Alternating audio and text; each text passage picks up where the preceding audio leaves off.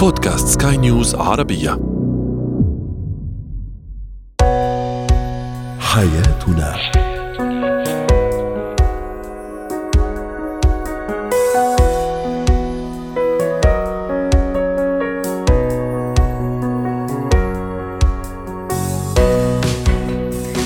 مستمعينا الكرام أهلا بكم معنا إلى حياتنا فضاؤكم اليومي الذي يعنى بشؤون الأسرة وباقي الشؤون الحياتية الأخرى والذي يمكنكم الاستماع اليه عبر منصه Sky News dot com slash podcast وباقي منصات Sky News العربية الأخرى.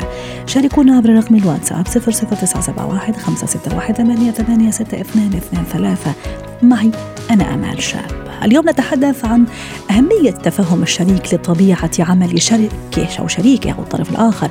وكيف يؤثر ذلك على نجاح الأسرة؟ أيضا كيف أختار قصة مفيدة وجيدة للطفل؟ وأخيرا سنتحدث عن اتيكيت الاستقبال والتوديع في المطار. هو وهي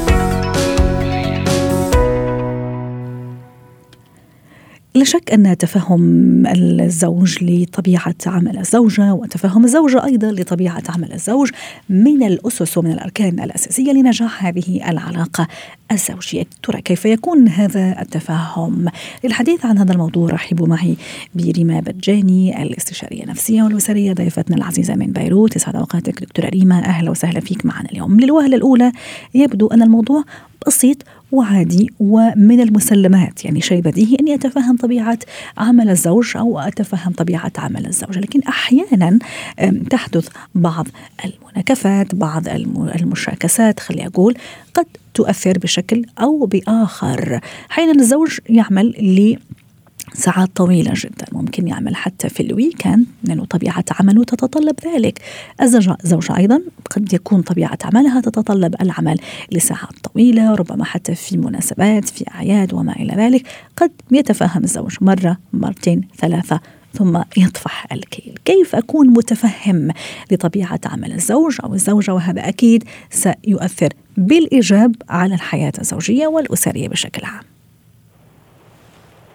مرحبا للجميع. أهلا وسهلا. أه صراحة كنت عم بسمع شو عم بتقولي وراح انطلق من اللي عم بتقوليه تابدا بحلقتي. اليوم صراحة تنقدر نكون آه نحن عم آه عم نكون مثل ما قلتي العلاقة الجيده من خلال التفهم. اسمحي لي انزل درجتين لورا شو هن نحن اليوم وقت نتعرف على شريك حياتنا. بيكون نوعية شغله يمكن بنحبها ما بنحبها شو بيشتغل آه شو عن شو بتقتضي آه شغلته. مشان هيك أنا أول شيء هيك رح دغري إذا بدك بالإيجابيات أو شو لازم نعمل من البداية. كنا وصلنا للمشاكل هي رح رقم ثلاثة ورح أقول لك ساعتها شو بنعمل.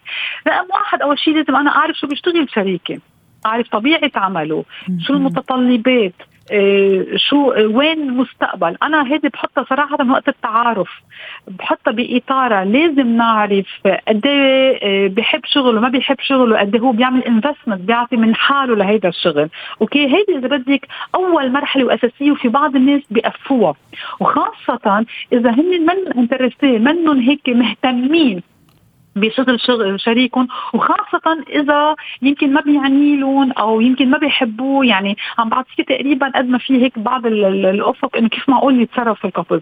لا لو حتى أنا ما بيعني لي شغل شريكي لازم اكون involved أنا اليوم لازم كل يوم نقعد نناقش طبيعة الشغل شو ال activity شو الرضا ال satisfaction اللي بيعطيه إياها وليش نقى هذا الشغل؟ رقم اثنين.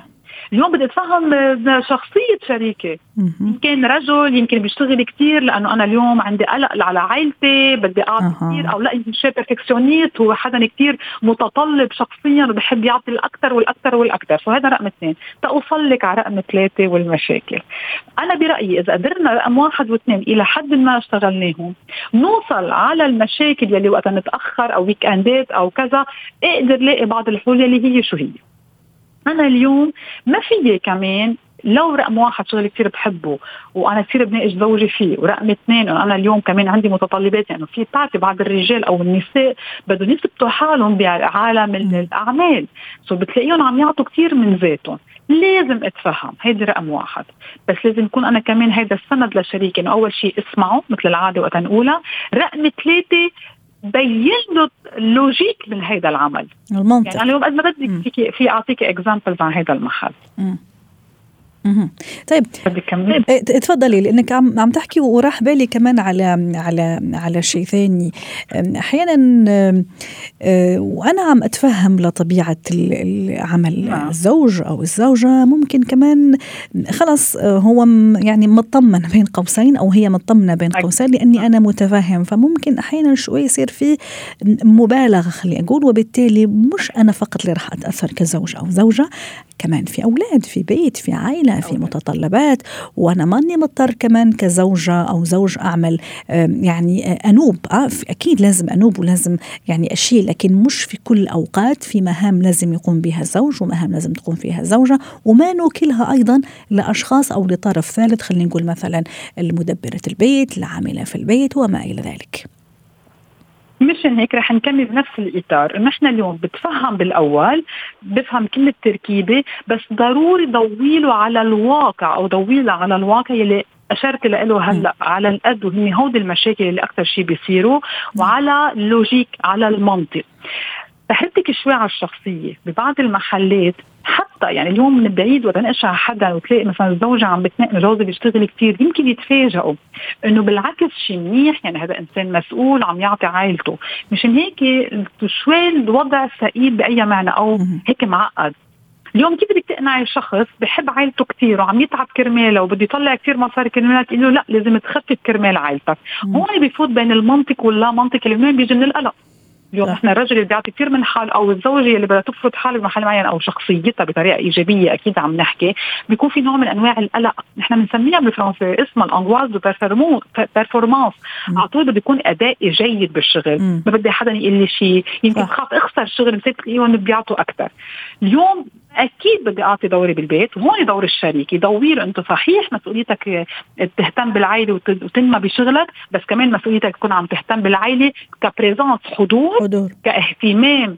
emotional وك ك ك ك كعاطفه ك communication كل الأشياء اللي بتصير. وخاصة دكتورة ريما حتى نختم مع حضرتك اليوم إذا مثلا كان عمل الشريك يتطلب مثلا يكون في خلينا نقول مدينة أخرى أو في في في بلد آخر عرفتي كيف؟ هون كمان في في تحدي كبير.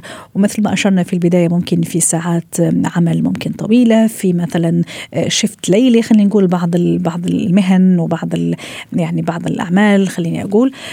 كمان هون أتصور آه، تحدي كبير لأنه العمل منه العمل العادي اللي هو ثمان ساعات المتعارف عليه في الساعات العادية المتعارف عليها. لا في تحديات كثيرة وفي عوامل راح تدخل هون فأتصور أنه تحدي كبير يرفعه الزوجين وقوامه يكون التفهم. صحيح هون خلينا نكون إيجابية وسريعة. رح أديك شغلة مهمة. ليش بلشت لك بالواحد والاثنين أنا بعتبر إذا أنا حبيت يوم ما قلتي لازم أفهم بالضبط طبيعة شغل الزوج أو الزوجة. صحيح. يعني هذا منطلق أساسي في الحقيقة. اكزاكتلي ساعتها أنا بقدر بس صنع هودي المشاكل بقدر أنا وشريكي نلاقي حلول. مش صح. شو هدفنا. صح. هدفنا إنه بالظروف الصعبة انه لاقي حلول. ساعتها أنا لو مشكله بالتوقيت لو شو ما كان لازم أنا أكون عم بعرف أشتغل بهيدي الظروف. 100% شكرا لك دكتورة ريما بجاني الاستشارية النفسية والأسرية ضيفتنا العزيزة من بيروت وأتمنى لك يوم سعيد. زينة الحياة.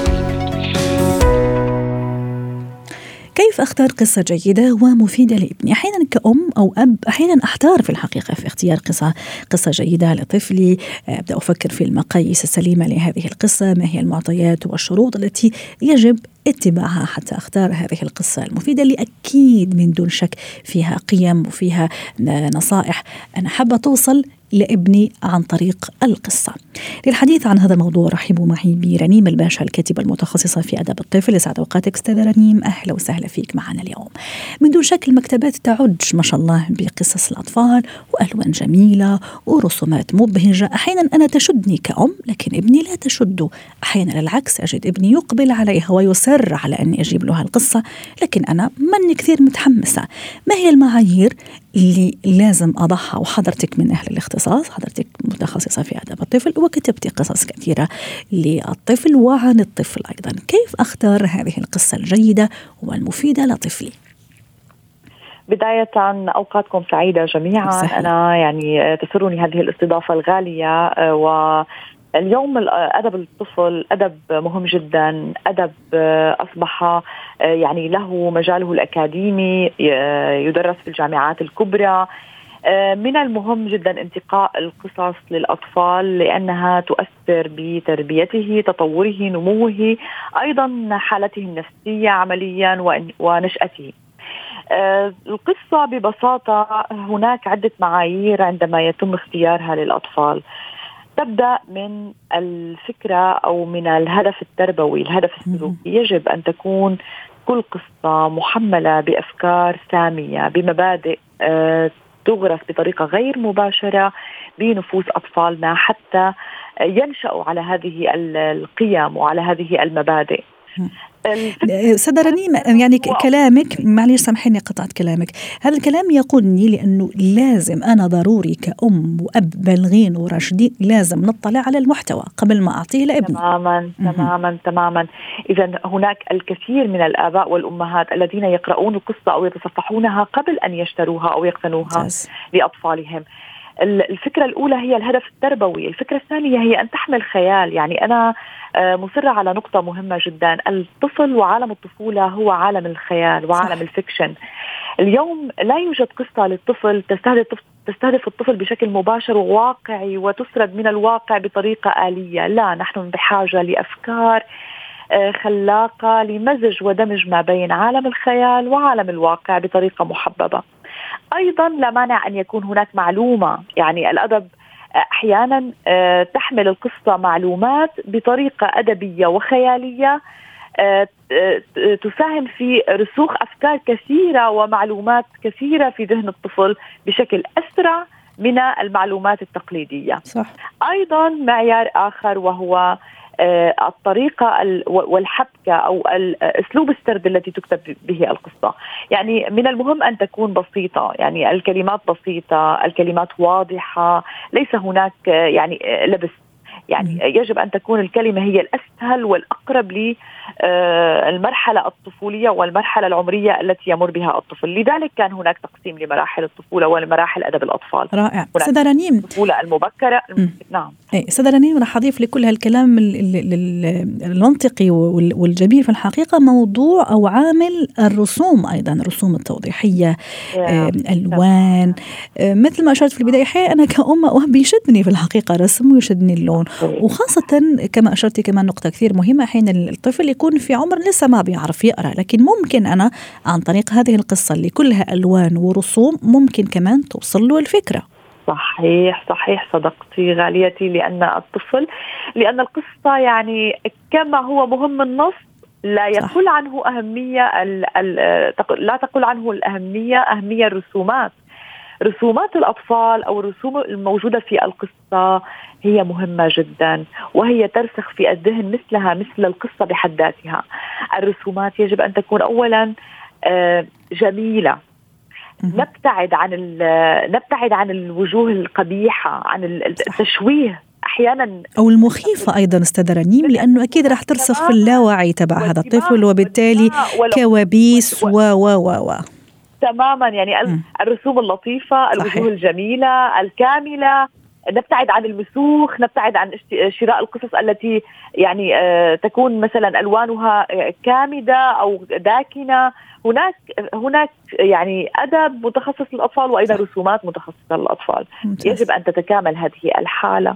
ما بين الألوان الجميلة والرسوم الجميلة أيضا الأدب القصة بحد ذاتها حتى لو كنا نطرح مشكلة سلبية نريد آه. الطفل أن يبتعد عنها يجب أن نبتعد عن الافكار المحملة بالعنف بالقتل بال بال بالأمور أو بالصور الذهنية السلبية لأنها كلها ترسخ في ذهن الطفل. رائع. يجب أن نعالج المشكلة السلبية بطريقة إيجابية. يجب أن يكون هناك طريقة يعني من المهم وعلى ذكر الطريقة رنيم أيضا النهايات الجيدة والنهايات السعيدة. هل تشوفيها كمان عامل أساسي وضروري ومهم؟ لما أروح أقتني أو أشتري هذه القصة لابني بمعنى حتى إذا كان في مشكلة أو فكرة زي ما تفضلتي في البداية في بداية هذه القصة أو في السطور الأولى لهذه القصة. هل من الضروري كمان أنه يكون الحل في نهاية هذه القصة؟ نعم.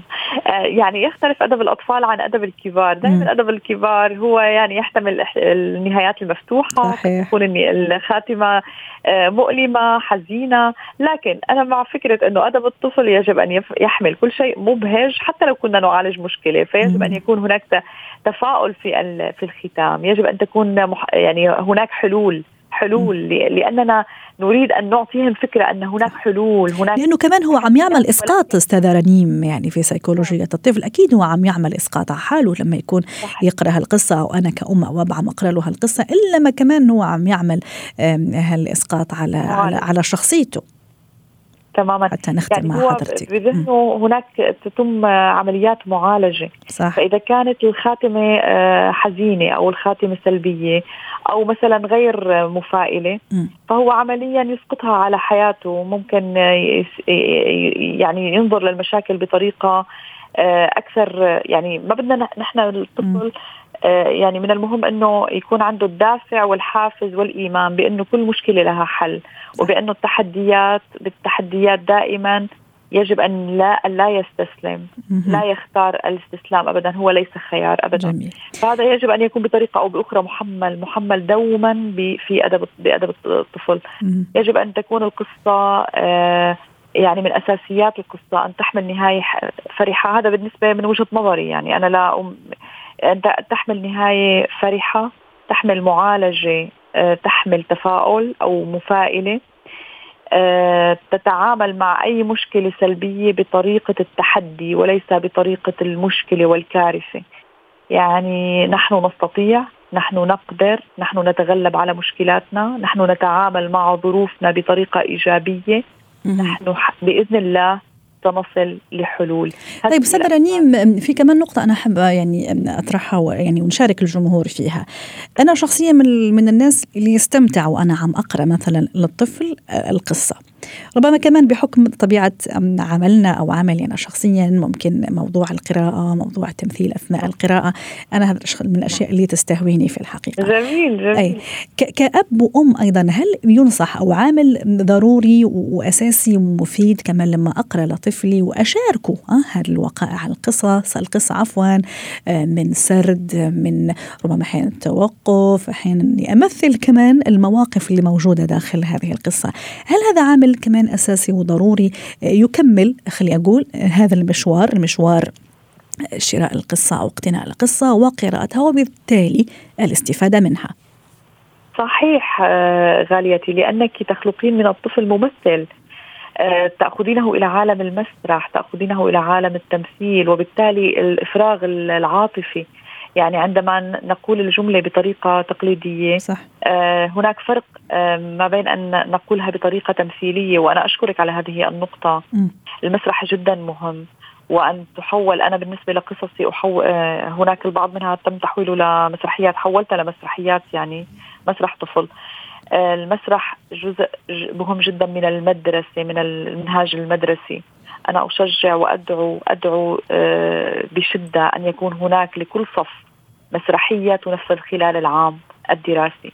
صح. مسرحية تنفذ خلال العام الدراسي. أولا آه، هي ستحقق آه، حالة من التفاعل تطوير اللغة العربية وأيضا إفراغ عاطفي للأطفال بشكل يعني لا تتخيل يعني هناك معالجة نفسية أيضا من خلال المسرح أنا أظن. رائع. أستاذة رنيم أيضا الطفل معروف وما أدري كمان هذه إذا أه، كمان يعني ينصح فيها. أه، اني مثلا أقرأ القصة أكثر من من مرة؟ أقرأها لطفلي أو ممكن طفلي يرجع يطلب مني أني أقرأ هذه القصة اللي اخترتها أنا بعناية وبتمعن واتبعنا هالطرق اللي عم نحكي عنها اليوم وحبينا نضوي عليها.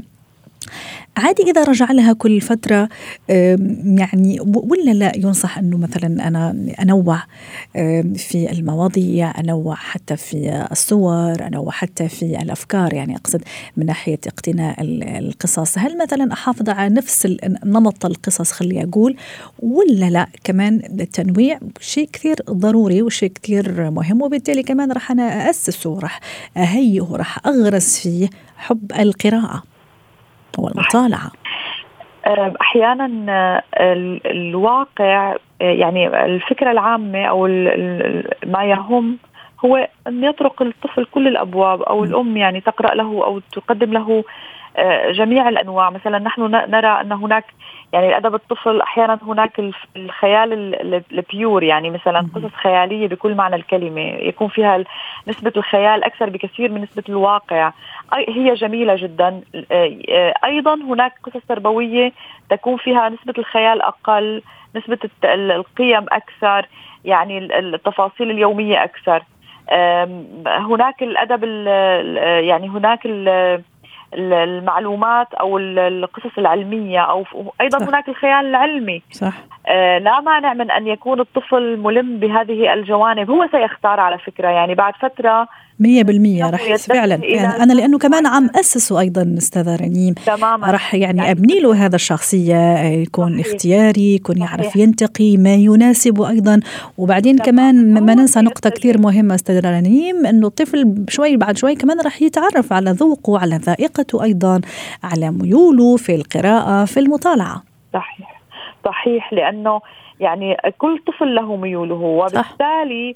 عندما آه، يقرأ أكثر من نوع و آه، آه، سيتحدد فيما بعد شغفه. وممكن أن يتغير الشغف من فترة إلى أخرى. صح يعني تجدين الطفل يهتم فترة بهذا المنحى بهذا 100% الشخصيات. يعني هناك تغير فنترك الطفل على سجيته لأنه وحتى لا نجبره. يعني مثلا أحيانا نرى بعض الأهل يذهبون إلى المكتبة مع الطفل ويختارون هم القصص. لا لا أنا مع إنه آه، اختر بنفسك القصص التي تراها مناسبة. أحيانا الطفل آه، آه، قبل النوم يعني تتكرر هذه أو هي ظاهرة موجودة يقول اقرأي لي قصة محددة. ولو أعدت هذه القصة هي حاجة نفسية لدى الطفل.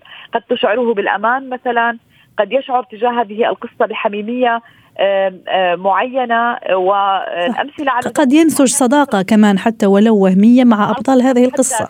صح. تماما. فاحيانا مثلا قصة ليلى والذئب الاطفال يريدونها قبل النوم كل يوم. صح, صح. يعني هي صح. آه وفي قصص بمثابة الأساطير أيضا أستاذ رنيم يعني موجودة عبر الأجيال ولم تتغير وتربينا عليها ونربي أولادنا عليها وحتى للأجيال المقبلة. شكرا لك أستاذ رنيم الباشا سعدتينا اليوم في الحقيقة بهذا المشاركة الجميلة واللطيفة على كيفية اختيار قصة جميلة ومفيدة لابن يعطيك ألف عافية وأتمنى لك يوم سعيد الكاتبة المتخصصة في أدب الطفل أستاذ رنيم الباشا. حياتنا.